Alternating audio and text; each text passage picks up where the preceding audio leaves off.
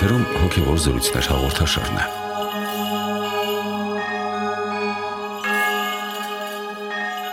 Ողջույն սիրելի ունկնդիրներ։ Արխիվում մեծի պահոց Կիրակիների ոսկե շղթայի տնտեսի Կիրակին է։ Օրվա խորհրդի եւ սուբգրային ընթերցվածների շուրջ զրուցում ենք Տեր Հուսիկ Քահանա Դոխոլյանի հետ։ Օրնեցեք Տերեր։ Աստվածօրհնի Այս Կիրակի օրվա համար իբրև ճաշու ավետարանական ընթերցված ընտրված է Ղուկասի ավետարանի 16-րդ գլուխը եւ առաջին ամենախոշոր այլաբանությունը, որ հանդիպում ենք այստեղ, որ յուրաքանչյուրս մեր կյանքի տնտեսն ենք մեծ կամ փոքր հարստությամբ, դիրքով, շնորներով ու հնարավորություններով Եվ դասը այս այլաբանության այն է, որ նույնիսկ կյանքում ամենաանիրավ, ամենահանդուգն եւ անաստված մարդը ենթագիտակցորեն զգում է, որ հաշիվ է տալու իր կյանքի համար եւ սա կարծում եմ կարևոր գիտակցություն է, որը լավ է հնարավորինս շուտ ձեռք բերել, այլ ոչ թե հանկարծակի գալ դատաստանի օրը։ Այո, լավ է, որ մարդը ամեն օր ապրի Աստծուն հաշվետու լինելու մտքով, ինչպես մեր եկեղեցու հայրերն են ասում, ամեն մարդ պետք է իր օրը այնպես ապրի, կարծես թե իր վերջի օրն է, եւ առավել եւս հաշվետու լինելու ոչ թե արդարանալով, այլ նորից, ինչպես ասում են մեր եկեղեցու հայրերը, եթե չարթարանաս այն ժամանակ կփրկվես։ Այսինքն ոչ թե ինքնաարթարացմամբ մեր գործած, ասենք մեր վարած կյանքը որպես տնտեսություն, ոչ թե մեր վարած տնտեսության, որ սխալ վարեցինք կամ թերացանք արդարանալով, այլ ուղակի մեր թերացումները Աստծո արչև բերելով ցավոք սրտի դիտարկումը եթե նայենք մենք մարդու կյանքի ընթացքում մարդը ապրում է կարծես թե անմահ է մարդը եւ միայն միայն Աստծո ողորմությամբ երևի ինչ որ մի ծանր հիվանդություն կամ ինչ որ մի շփում մահվան հետ ենթադրենք ասենք ինչ որ հարազատի մահ չգիտեմ հիվանդանոցում ինչ որ մահամերձի հետ հանդիպում մարդուն թերևս գիտակցել է տալիս որ կյանքում կամա եւ մահը իրական է Եվ այստեղ է, որ մարդ նոր միայն սկսում է մտածել։ Գիտեք, մարդը կարող է իր կյանքում տարբեր տեսակ փիլիսոփայությունների հետևի,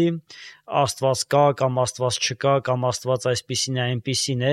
որովհետև ինքը իրապես չի գիտակցում այն վայրկյանը, երբ որ ինքը պիտի կանգնի այդ Աստծո առջև, եւ այս գիտակցումը իրենից պահանջում է, որ ավելի լրջորեն վերաբերվել այն գաղափարին, որ կյանքից հետո մահ կա։ Եվ եթե մենք ետ ենք վերադառնում ավելի ուշ դարեր, հա, երբ որ թե մարդկային ընդհանուր կյանքի տևողություններ կարճ, թե ամեն մի արհավիրքից մարդը կարող էր մահանալ, ասենք ճանապարհները այդքան էլ անվտանգ չէին, թե վայրի կենթանիների, թե ավազակների պատճառով եւ այլն, չկար այսպիսի ոստիկանական համակարգ եւ մարդը ամեն օր կանգնած էր մահվան առաջ, իր համար հավիտենական կյանքը, անդրշիրիմյան կյանքը ավելի շոշափելի էր Իսկ այսօր որ մեր կյանքը ապահովագրված է հնարավորինս, չգիտեմ, մեր բանկային հաշիվներով, մեր ծանոթություններով, բժշկությունով եւ այլն, մարդու համար կարծես թե ավելի ու ավելի հետ է գնում մահվան այս իրողությունը, չնայած չդադարելով լինել ամեն մարդու վախը, այսպես ասենք, հա։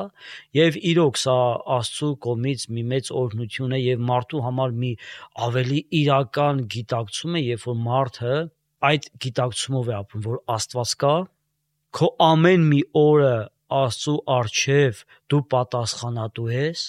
եւ պատասխանատու ես այն Աստծո արչև, որը ոչ թե միայն տեսնում է քո արտաքին արարքները, այլ քո միտքը, քո սիրտը եւ քո հոգին քննողն է ոչ թե քո արարքն է քննում այլ այդ արարքի դրթապաճառն է եւ այդ արարքի հիմքը եւ եթե մարդը իր ամեն մի օրը այսպիսի կշերքով կշռադատի ապա սա այն ճանապարհն է որը որ մարդուն տալու է կատարելության եւ մարդուն տալու է սրբության բոլոր սրբերն այսպես են արել անիրավ տնտեսի առակում պատկերը շատ հստակ է շատ խիստ է տերը գալիս է եւ մի պահի պահանջում է հաշիվ իր տնտեսից Այսպիսի խիստ պատկերներ մենք դեռ հանդիպելու ենք մեծ պահքի առակներում, եւ Քրիստոս շատ է խոսում ավետարանական առակներում այդպիսի խիստ վախճանաբանական ոճով, օրինակ 10 կույսերի առակում գալիս է փեսան, դռները փակվում են եւ վերջ, որոշվում է ով է իմաստուն, ով է անմիտ կույս, կամ անմիտ մարդու առակում կալվածատերը, ով մեծ ունեցվածք էր ամբարել, Տերը գալիս է ու ասում է. «Վերջ, այս գիշեր քեզանից հոգիդ վերցնում եմ»։ Դժվար է պատկերացնել, թե մենք վերջին դատաստանի օրը կամ մեր մահվան պահին ինչպիսի Տիրոջ առջև ենք կանգնելու։ Հենց Անիրավ տնտեսի Կիրակիի ավետարանի նախընթաց ընթերցվածում Եսայու մարգարեության մեջ Տերը երկակի է ներկայանում։ Մի կողմից անսահման ողորմությամբ Աստծո, ով ներողամտությամբ է մոտենում իր արարածներին, բայց մյուս կողմից էլ բարկությամբ եւ վրեժխնդրությամբ լի մեղքի մեջ խրվածների եւ իրենից երես դարձրածների հանդեպ։ Այսինքն դժվար է կռահել, թե դատաստանի օրը իբրև մեր կյանքի տնտես մենք Տիրոջ որ դեմքն ենք տեսնելու՝ ողորմած, թե խիստ, թե պատժողական։ Ու սա երևի պետք է խթանի մեր զգոնությունը միշտ պատրաստ լինելու դրան։ Ինչպես մեր եկեղեցու հայրերն ասում են, Աստված այս կյանքի ժամանակը տալիս է մեզ, որպեսի մենք դառնանք Աստծունը։ Եվ Աստված այս կյանքում ողորմած Աստված է։ Իսկ մահվանից հետո պիտի լինի արդար դատավոր։ Եվ պատահական չէ, որ կա Հիսուս Քրիստոսի երկրորդ գալուստը եւ ինքը որպես դատավոր է գալիս եւ գալիս է երկնային զորքերի բազմությամբ, գալիս է փողերի հնչողությամբ եւ այլն, այսինքն վերջի վերջո մարդկային կյանքից հետո մարդը պիտի կանգնի արդար դատավորի առջև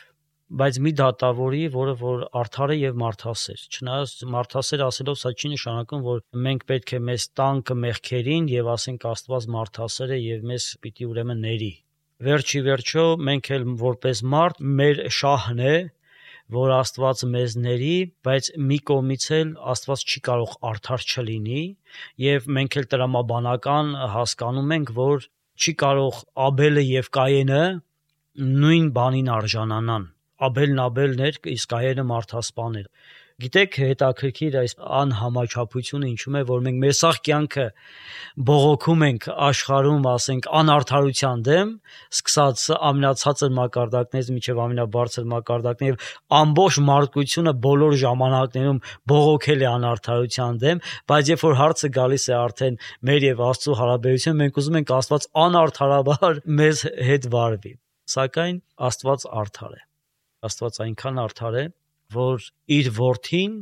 եկավ եւ մահացավ այսինքն մեղքի հանդեպ վարձը, որը մահն էր, արդարությունը պահանջում է, որ մեղքի հանդեպ վարձը տրվեր, այսինքն մահը լիներ։ Եվ Աստված մարդասեր էր, չթողեց մարդուն մահվան մեջ եւ հարություն առավ Քրիստոս, թե վճարելով արդարությունը մեղքի վարձը, թե մարդկությանը հանելով մահվան մեջից դեպի կյանք։ Ուրեմն Աստծո արդարությունը կատարյալ արդարություն է եւ նաեւ պիտի այսպես ասենք ընդունված միտքն է հերքենք, որ երբ որ մարդը հանկարծակի մահ է ունենում, մենք ասում ենք թեթև մահով մահացավ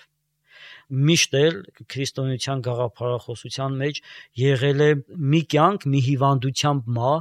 որը որ մահը կամանց կամանց է քեզ մոտենում եւ դու ժամանակ ես ունենում թե գիտակցելու մահվան մոտիկությունը, թե ապաշխարելու եւ քո նեղությունները քո գործած մեղքերի համար ապաշխարանք լինելու արդեն մարմնական։ Ուրեմն երբ որ այո հանկարծակի կգա Տերը հանկարծակի կգա Տերը ոչ թե նրա համար որ Տերն ուզում է մեզ մեղքի մեջ բռնացնել, ոչ մեր Տերն ուզում է որպեսի մենք մեղքից դուրս գանք, այլ որովհետև մարդիկ արդեն այնքան մոռացած կլինեն, որ Աստված հանկարծակի է գալիս։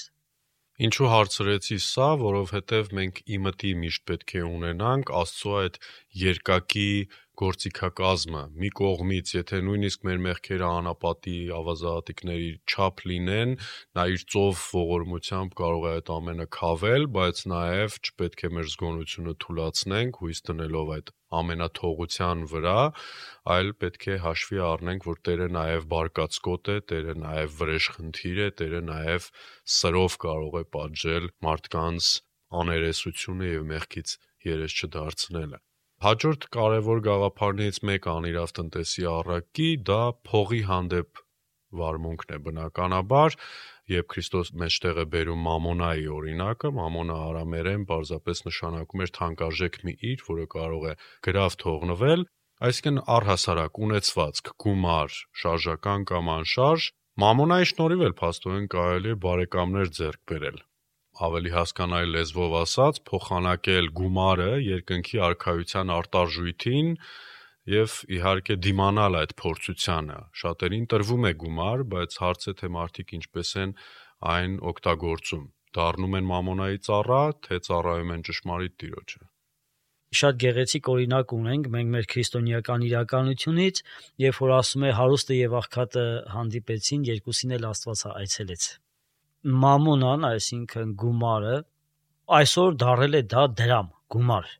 Իսկ այն ժամանակ փոխանակման միջոցները շատ տարբեր էին, դրա համար մամոնան ունի այդ տարբեր բացատրությունները։ Դրամը ինքը իրենից հետաքրքիր իրողություն է մարդկային կյանքում, որը որ կարող է կամ մարդուն ծառադարձնել, որի դեմ է որ խոսում քրիստոնեությունը, կամ ծառայել մարդուն։ Երբեմն մարդիկ սխալ կարծիք ունեն քրիստոնեության մասին, թե քրիստոնեությունը ունեցվածքի դեմ է հին կտակարանում ունենք կերպարներ, օրինակ հենց Հոբի կերպարը վերցնենք, որը որ մեծահարուստ էր։ Աբրահամի կերպարը վերցնենք, որը որ մեծահարուստ էր։ Հարցը այստեղ, եթե մեծահարստությանն է գալիս, ոչ թե մեծահարուստ չլինելն է, այլ այդ հարստությանը ծառա չդառնալն է մարդ երբ է դառնում հարստությանը ծառա, երբ որ ուղակի մտածում է իր կուրքի բարգավաճման մասին, ոչ թե իր ունեցածի միջոցով իր եղբայրների կամ թեկուս հենց իր կյանքը ավելի գեղեցիկ եւ աստվածահաճո դարձնել, այլ իր կուրքի բարգավաճման, իր հաշիվ ավելի մեծացման մասին։ Եվ ինչպես որ մեր Տերն է ասում, գանձեր դիզեք երկնքում։ Մենք ուղակի երկնքի հավիտենական կյանքի ոչ իրական լինելու զգացողությունը ունենք, դրա համար չենք մտածում։ Առակը ինչու համար է անվանված անիրավ տնտեսի եւ տնտես անիրավությամբ է գործում, որ սա մեր մարդկության օրինակն է, չէ, մենք ինչ որ ունենք, դա մերը չէ, դա Աստծո տվածն է։ Եթե որևէ մեկը չի հավատում, որ մենք ինքներս ինչ որ ունենք, սա Աստծո տվածն է, մի հարց, արդյոք ինքը կցանկանա մի օր արթնանալ եւ Աստված ինչ իրեն տվել է վերցնի իրենից։ Չէ, ոչ ոք չի ցանկանա։ Ուրեմն մենք հասկանում ենք այս հարցադրումը, եթե կատարում ենք ինքներս մեզ, որ ինչ ունենք Աստծո տվածն է։ Եվ ուրեմն Աստծո տվածից, եթե մենք բաժին ենք հանում Աստծո մնացած զավակների հանդեպ, մենք կատարում ենք այն, ինչ որ պարտավոր ենք։ Եվ եթե Աստծո տվածը մենք ծառայացնում ենք ինքներս մեզ, այստեղ է, որ մենք դառնում ենք անիրավ տնտես։ Եվ ուրեմն բարեգործության մասին, եթե խոսենք, իսա բարեգործությունն է։ Մեր Տիրոջ խոսքը հստակ է, որ գանձեր դիզեք երկնքում սա մի կոչ է, որ քրիստոնեության համար հիմնարար կոչերից մեկն է մարդ հարաբերության, եղբայրասիրության ամենահիմնարար մասերից մեկն է, որ մենք մեր եղբորը կարողանանք օգնել ոչ թե շահի, կամ եթե շահ է, այս շահը երկնային շահի համար։ Այս Կիրակի ընթերցվածի վերջաբանում շարունակելով այս թեման բերվում է նաև Հաղքատ Ղազարոսի առակը։ Մեկը Աստծո կամոք մեծահարուստ էր, աշխարհում, իսկ մյուսը Ղազարոսը աղքատ ու մուրացիկ վիճակ էր բաժին ընկել իրեն, եւ տեսնում ենք նրանց հետմահու վիճակը։ Բայց սա չէր նշանակում իհարկե, որ ով այս կյանքում հարուստ է, պետք է պարտադիր դժոխք կընկնի կամ ով որ աղքատ է, ավտոմատ պետք է մեծ վայրկների արժանանա, կարևոր էր թե իրենք ինչպես էին իրենց կյանքը անցկացնում եւ տնօրինում։ Ասվում է մեծահարուստը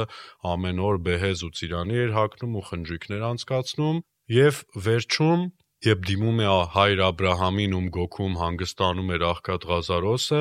ասում է. «Հայր Աբ รา համ, մի քանի եղբայր ունեմ, գուցե ուղարկես Ղազարոսին, որպեսզի իրենց ասի, որպեսզի հավատան, որովհետև Մովսեսին ու մարգարեների պատգամներին չէին ունկնդրել»։ Եվ Աբ รา համը պատասխանում է. «Եթե նույնիսկ մեռելներից մեկը հարություն առնի եւ գնա նրանց մոտ, նրան էլ չեն հավատա»։ Դա իհարկե ակնարկություն էր Քրիստոսի հարությանը, որ նույնիսկ հարությանը չհավատացին շատերը, եւ հիմա փաստորեն մեր 21-րդ դարում մեծահարուստ անիրավ մեկը կարող է կարդալ նորից այս առակը, բայց միևնույն է անառակ մնալ ճակերտավոր ասված, այսինքն այդ առակի падգամը այդպես էլ չգործացել։ Շատ հետաքրքիր է այս երկու առակները, երկու առակներն էլ կարծես թե մարդուն ասում են սթափվիչ եկավ Տերը եւ ասում է տնտեսության հաշվը տուր։ Այսինչ ես անում, սթափվի։ Եվ մարդը սթափվեց։ Մյուս կողմից այստեղ արդեն ոչ թե հարուստին է վերաբերվում, որ կյանքդ վերաարժևորիր, այլ մեզ ընթերցողներիս։ Նաև սա մեր համար հոգևոր կյանքի կամ մահվանից հետո կյանքի շատ հետաքրքիր մի բացահայտում է։ Հարուստը, որը որ իր կյանքը ապրել էր զեղության մեջ, իրական կյանքն է տեսնում։ Սա ցույց է տալիս, որ ամեն մի ննջեցյալ մահվան դռնից այն կողմ անցնելով տեսնում է իրական կյանքը։ Եվ ինքը գիտակցում հիշողություն ունի իր ապրածի իրական կյանքը տեսավ, իր ապրածի հիշողությունն ունի, գիտի եղելությունը իր եղբայրների առումով, իր հարազատների առումով եւ իր կոչի ինչ է մեկին ուղարկեք իմ եղբայրների մոտ, որ ասեն այդպես մի ապրեք։ Իրականությունը դա չէ։ Եվ այս падգամը, հարուստի կոմից տրված այս падգամը համամարտկային է եւ ժամանակներից դուրս ուղված է մեզնից յուրաքանչյուրին եւ ուղված է մեզնից յուրաքանչյուրին ոչ թե հարուստի շուրթերով, այլ ուղված է մեզնից յուրաքանչյուրին մեր ննջեցյալ, մեր նահատակ, մեր զոհված հարազատի շուրթերով այդպես ձեր կյանքը մի ապրեք ինչպես այդպես աստծո պատվիրաններից դուրս աստծո պատվիրաններից զերծ Տերը մի օր պետք է գա եւ պիտի ասի այս տնտեսությունը, որ ես քեզ էի տվել, այն շնորները, այն միտքը, այն հոգին, այս ամեն ինչ, այս մարմին, այս աշխարհը, որ ես ստեղծեցի եւ ասեցի բարի է, քեզ եմ տվել, դու ինչ ես արել, իսկ ինչ արել մարդը, ինչպես որ ասում են հայտնի հեղինակները, չկա մի լավ բան, որ մարդու ձեռը չընկնի եւ չփչանա այդ ենք արել մենք մեզնից յուրաքանչյուրս եւ եկեք մենք մեզ չդնենք կողմ աղքատ Ղազարոսի եւ այս մեծատան օրինակը, երբ որ մեր եկեղեցու հայրերը մեկնում են շատ գեղեցիկ մի բան են ասում, չէ՞ մեր մարդկանցս մեջ նստած է, որ եթե հարուստ է, եթե զեղ կյանքով է ապրում, ուրեմն ինքը ոչ մի բարիք չունի արած։ Սակայն կատարյալ ճարիքը դա սատանան է, եւ չկա այդպիսի մի մարդ, որ սատանային հավասար լինի, ինչպես ասում է Հովանես Ոսկեբերանը, հարուստն էլ իր կյանքի մեջ մի լավ բան ուներ արած եւ իր արած բարիքի համար այս աշխարհում ստանում էր հատուցումը աղքատ Ղազարոսն էլ չկա այդպիսի մի մարդ, որ կատարյալ բարի լինի եւ կատարյալ սուրբ լինի։ Ուրեմն ինչ որ մի բան էլ աղքատ Ղազարոս ուներ եւ ժամանակավոր աշխարհում ինքը ստանում էր իր գործած սխալների, հա, մեղքերի համար հատուցումը։ Եվ արդեն մյուսը հավիտենական կյանքում ստացավ իր բարիքների հարտուցումը, այն մյուսն էլ հավիտենական կյանքում ստացավ իր չարիքների հատուցումը։ Այսինքն, ի՞նչն է միով բանիվ հատուցում կա աստված արդար է ինչպես որ մենք մեր խոսքի մեջ նշեցինք եւ աստծու արդարության գաղափարը մեր մտքի մեջ միշտ պիտի լինի աստված այնպես չէ որ ատում է մեղավորին, բայց Աստված եւ ամեն մի քրիստոնյա իր նպատակը պիտի լինի ատել մեղքը, ոչ թե մեղավորին, հա? Եվ արդար Աստված հատուցում է տալիս ամենաչար մարդուն էլ իր գործած բարիքի համար հատուցում է տալիս եւ ամենաբարի մարդուն էլ իր գործած չարիքի համար հատուցում է տալիս։ Մենք որպես քրիստոնյա Աստծուց որ հատուցումն ենք ուզում բարիքի համար այս աշխարհում, չարիքի համար հավիտենական աշխարհում թե հակառակը մեր գործած ճարիքի համար այս աշխարհում, բարիքի համար հավիտենական աշխարհում։ Ուրեմն այստեղ շատ լավ օրինակ է, որ մենք հասկանանք, որ հավիտենական աշխարհում եկեք թող մնա մեր գանձերը, այնտեղ ստանալու համար մեր բարիքները։ Մամոնայի մասին խոսելուց հետո Քրիստոս խոսքը ուղղում է արծաթասեր փարիսեցիներին եւ ասում հետեւյալը. Այժմ ավետարանվում է Աստծո արքայությունը եւ ամեն ոք բռնի է ուզում ձեռք բերել այն։ Արդյոք այստեղ ակնարկվում է, որ մարդիկ հարստությամբ, իշխանությամբ ու դիրքով հաճախ հույս են ունենում տեղ գրավել արքայության մեջ։ Մեր իրականության մեջ էլ շատ ենք տեսնում այդպիսի մարդկանց։ Կարող է հարուստ մարդը, կարողություններ ունեցող մարդը գայթակղությունը ունենալ, այս բառը պիտի շեշտեմ, հույս դնելու համար իր հարստության վրա եւ մտածի թե Աստծուն կարող է կաշառել։ Աստված անկաշառ է։ Եվ խորքի մեջ, եթե մեր արարքի նպատակը Աստված չէ, Աստծուն մերձենալը չէ։ Այսինքն հանուն Աստծո չէ, ոչ թե Աստծուն կաշառելու, չէ, Աստծուն գտնելու համար չէ մեր արարքը։ Ուրեմն մեր արարքը չի պիտի ունենա այդ արդյունքը, ինչ որ մենք ակնկալում ենք։ Սակայն մենք երբեք չենք կարող ասել, թե այս մարդը այդ բարեգործությունը, որ անում է, Աստծուն կաշառելու մտադրությամբ է անում, թե իրոք իր սրտի մեջ ինքը ինչ որ մի նեղություն ունի, մի մեղք ունի, որը որ ինքը գիտակցում է եւ այդ մեղքից ազատվելու համար է անում, որովհետեւ մարդը երբեք մարդկանց արչև իմ սխալները չի պիտի խոստովանեմ առավել եւս եթե ինձ մեղադրում են ես պիտի պաշտպանվեմ սա մարդկային հոգեբանություն է Ուրեմն մենք չենք կարող քննել մարդու սիրտը Աստված է, սրտագետ Աստված։ Բայց փաստը մեկն է, չպետք է տրվել այդ գայթակղությանը, որ ես կարող եմ Աստծուն կաշառել։ Բայց այնուամենայնիվ, եթե մենք բերենք զուգահեռ դնենք մեկին, որը որ բարիք է անում մտածելով Աստծուն կաշառելու մասին, եւ մեկին, որ ընդհանրապես որ բարիք չի անում, սա մասին շատ հետաքրքիր մի առակ կա եւ շատ գեղեցիկ է ինքը ներկայացնում, երբ որ մեկը գալիս է եւ ասում է այլևս վերջ ես բարիք չպիտի գործեմ, որովհետեւ իմ բոլոր բարեգործությունները եւ եկեղեցում լինելը ամենը ձևական են, ես այդ ձևականությունը մի կողմ եմ դնում հոգևորականն ասում է ես հասկացա քեզ, բայց արի այս ուռենուց գործած կողովով գնա ինձ համար ջուր բեր։ Բնականաբար ջուր չի կարող բերել, 1-2 փորձից հետո ապարդյուն ջուրը թափվում է։ Դե ասում է ջուր բերեցի, չէ, չբերեցի ջուրը։ Բայց ինչ եղավ, կողովը թրջվեց թեկուզ մենք չկարողանանք ջուրը բերել, բայց ես վստահ եմ, որ Աստված, որը որ ցանկանում է մեղավորի դարձը եւ փրկությունը, ամեն մի առիթ օգտագործում է մարդու համար։ Նորից պիտի շեշտեմ, չտրվենք այդ գայթակղությանը։ Աստված մարդասեր է եւ մեր նպատակը թե բարեգործության, թե պահեցողության, չէ՞ որ այսօր պահեցողության մեջ ենք մենք Աստվածաշունչ կարդալու, ժամերգություններ գալու, պատարակին ներկա լինելու հաղորդություն ստանալու հոգևոր որևէ մի արարքի մարդ-մարդ հարաբերության որևէ մի բարի հարաբերության նպատակը պիտի լինի Աստված։ Այսինքն Աստծուն մոտենալը, Աստծու որպես Աստծու զավակը գործելը, մի խոսքով հանուն Աստծու անելը։ Անիրավ տնտեսի առակի վերջավորությունը տնտեսը կրկին տիրոջ կարողության հաշվին լավություն է անում իր պարտապաններին եւ արդյունքում Տերը գովում է տնտեսի այդ արարքը, որովհետեւ վերջի վերջո մեր կյանքում էլ ինչ որ ունենք նյութեղեն կամ անյութական շնորներ, կարողություններ այդ ամենը տիրոջից է եւ մենք պետք է փորձենք հենց շահեցնել դա նվիրել ուրիշներին, օգնել ուրիշներին, որ เป զի նաև դա մեզ դառնա Կա նաև զուգահեռ շատ նման մի առակ քանքարների առակը, որ տերը երեք մարդու գումար է փող տալիս եւ առաջին երկուսը ավելի կամ պակաս շահեցնում են այդ գումարը եւ տերը գովում է նրանց Իսկ այն մարդը, ով տարել էր հողի մեջ էր թաղել այդ գումարը, որ เป զի դատաստանի օրը կամ պահանջելու օրը վերադարձնի տիրոջը, հանդիմանության է արժանանում, որովհետև ոչ մի բան չարեց այդ շնորհների ու կարողությունների հաշվին երբ խոսում ենք անելու արարքների մասին,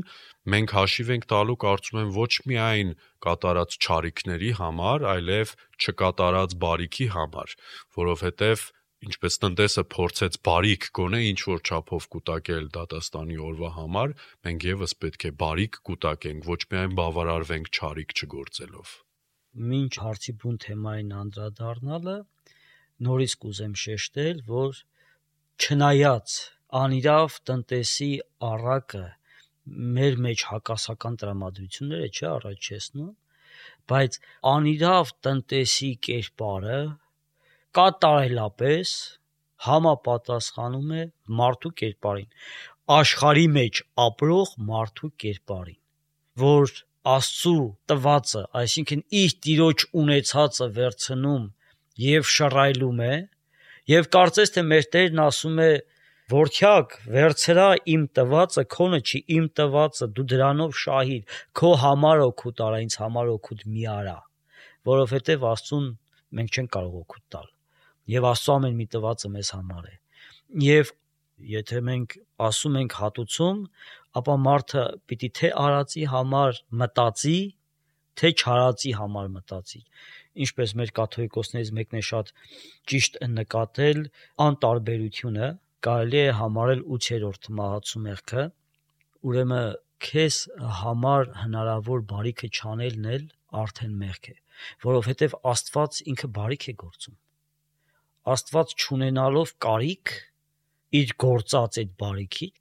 ինքը բարիք է գործում, բարիք է գործում մարդու համար։ Բարիք է գործում իր ստեղծագործության ամեն մի բջիջի համար։ Ուրեմն մենք էլ լինելով քրիստոնյա, լինելով Աստծո պատկերը կրող, լինելով բանական մարդ, այս բարիքը գործելու պարտականությունը ասեմ ունենք։ Բայց մյուս կողմից էլ բարիքը պիտի գործենք ոչ թե որպես պարտականություն, այլ որովհետև դա մեր բնավորությունն է։ Եվ ես վստահ եմ, Մարդկային կյանքի փորձն էլ ցույց է տալիս, որ գործած բարիքի ժամանակ մարդն ավելի երջանիկ է լինում։ Մարդը գտնում է երջանկությունը բարիք գործելու մեջ։ Այ այդ հոգևոր երջանկությունը։ Եվ այս երկու առակները, եթե մենք բերում ենք դնում ենք իրար կողք, այո, առակների նաև իմաստը նա է, որ մեր կյանքում պիտի բարիք գործենք։ Նաև մտածենք մեր անգործության մասին հետաքրքիր է որ քրիստոնեության տարբերությունը նա է, որ ոչ թե եթե չես ուզում մարդիկ քեզ չարիք անեն, դու մարդկանց չարիք մի արա։ Այսինքն ոչ թե չանելու փիլիսոփայությունից է քրիստոնեությունը կառուցում իր կյանքի ապրելակերպը, այլ անելու արամարտկանց այն, ինչ որ կցանկանաս, որ իրենք քեզ անեն, անելու, գործելու, ոչ թե կրավորական, այլ գործնական կյանքի է մղում քրիստոնեությունը մեզ եւ քրիստոնյայի կերպարն էլ պետք է լինի աշխուժ, գործող, ուրախ։ Քրիստոնյան ունի ամենամեծ գանձը դա Աստված է։ Այդ ուրախությունը պետք է քրիստոնյայի մեջ լինի։ Քրիստոնյան ունի ամենամեծ աջակիցը դա Աստված է։ Եվ ուրեմն այս աջակցության լինելու իրականությունը մարդու գործերի մեջ, աշխարհայացքի մեջ պետք է երևա։ Քրիստոնյան չպետք է լինի դժգույն, կյանքի գույներից հիասթափված, կյանքի հետ ոչ մի աղերսներ չունեցող մի կերպար, այլ քրիստոնյան Աստծով լեցուն, իսկ Աստված կյանք է լեցուն, պետք է այդ կերպարը լինի։ Շնորհակալ եմ զրույցի համար Տեր հայր, իբրև ամփոփում բերեմ տնտեսի Կիրակի մեկ այլ ընթերցվածի հատված, Եփեսացիներին ուղված թղթից Այնտեղ մի մեծ պատվիրան կա, կարծում եմ, հեռու վանելու հին մարդուն իր մեղսավոր կենցաղով, նորոգվելու մեր մտքով ու հոգով եւ հագնելու Աստծո պատկերով նոր մարդուն ընթանալու ինչպես լույսի որդիներ, ինչը նաև մեծ պահքի առանցքային նպատակներից է բերելու մեզ այս մաքրված վիճակին, այնպես որ սիրելի ունկնդիրներ շարունակենք մեր հաստատուն ճամփան մեծ պահքի կիրակիներով մեր աչքը հառած հարության ավետիսին։ Մնացեք բարյավ։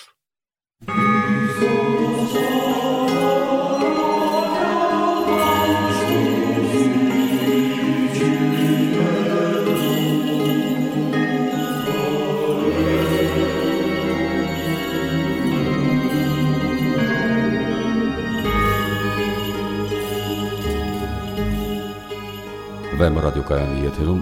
հոգևոր զրույցներ հաղորդաշարներ։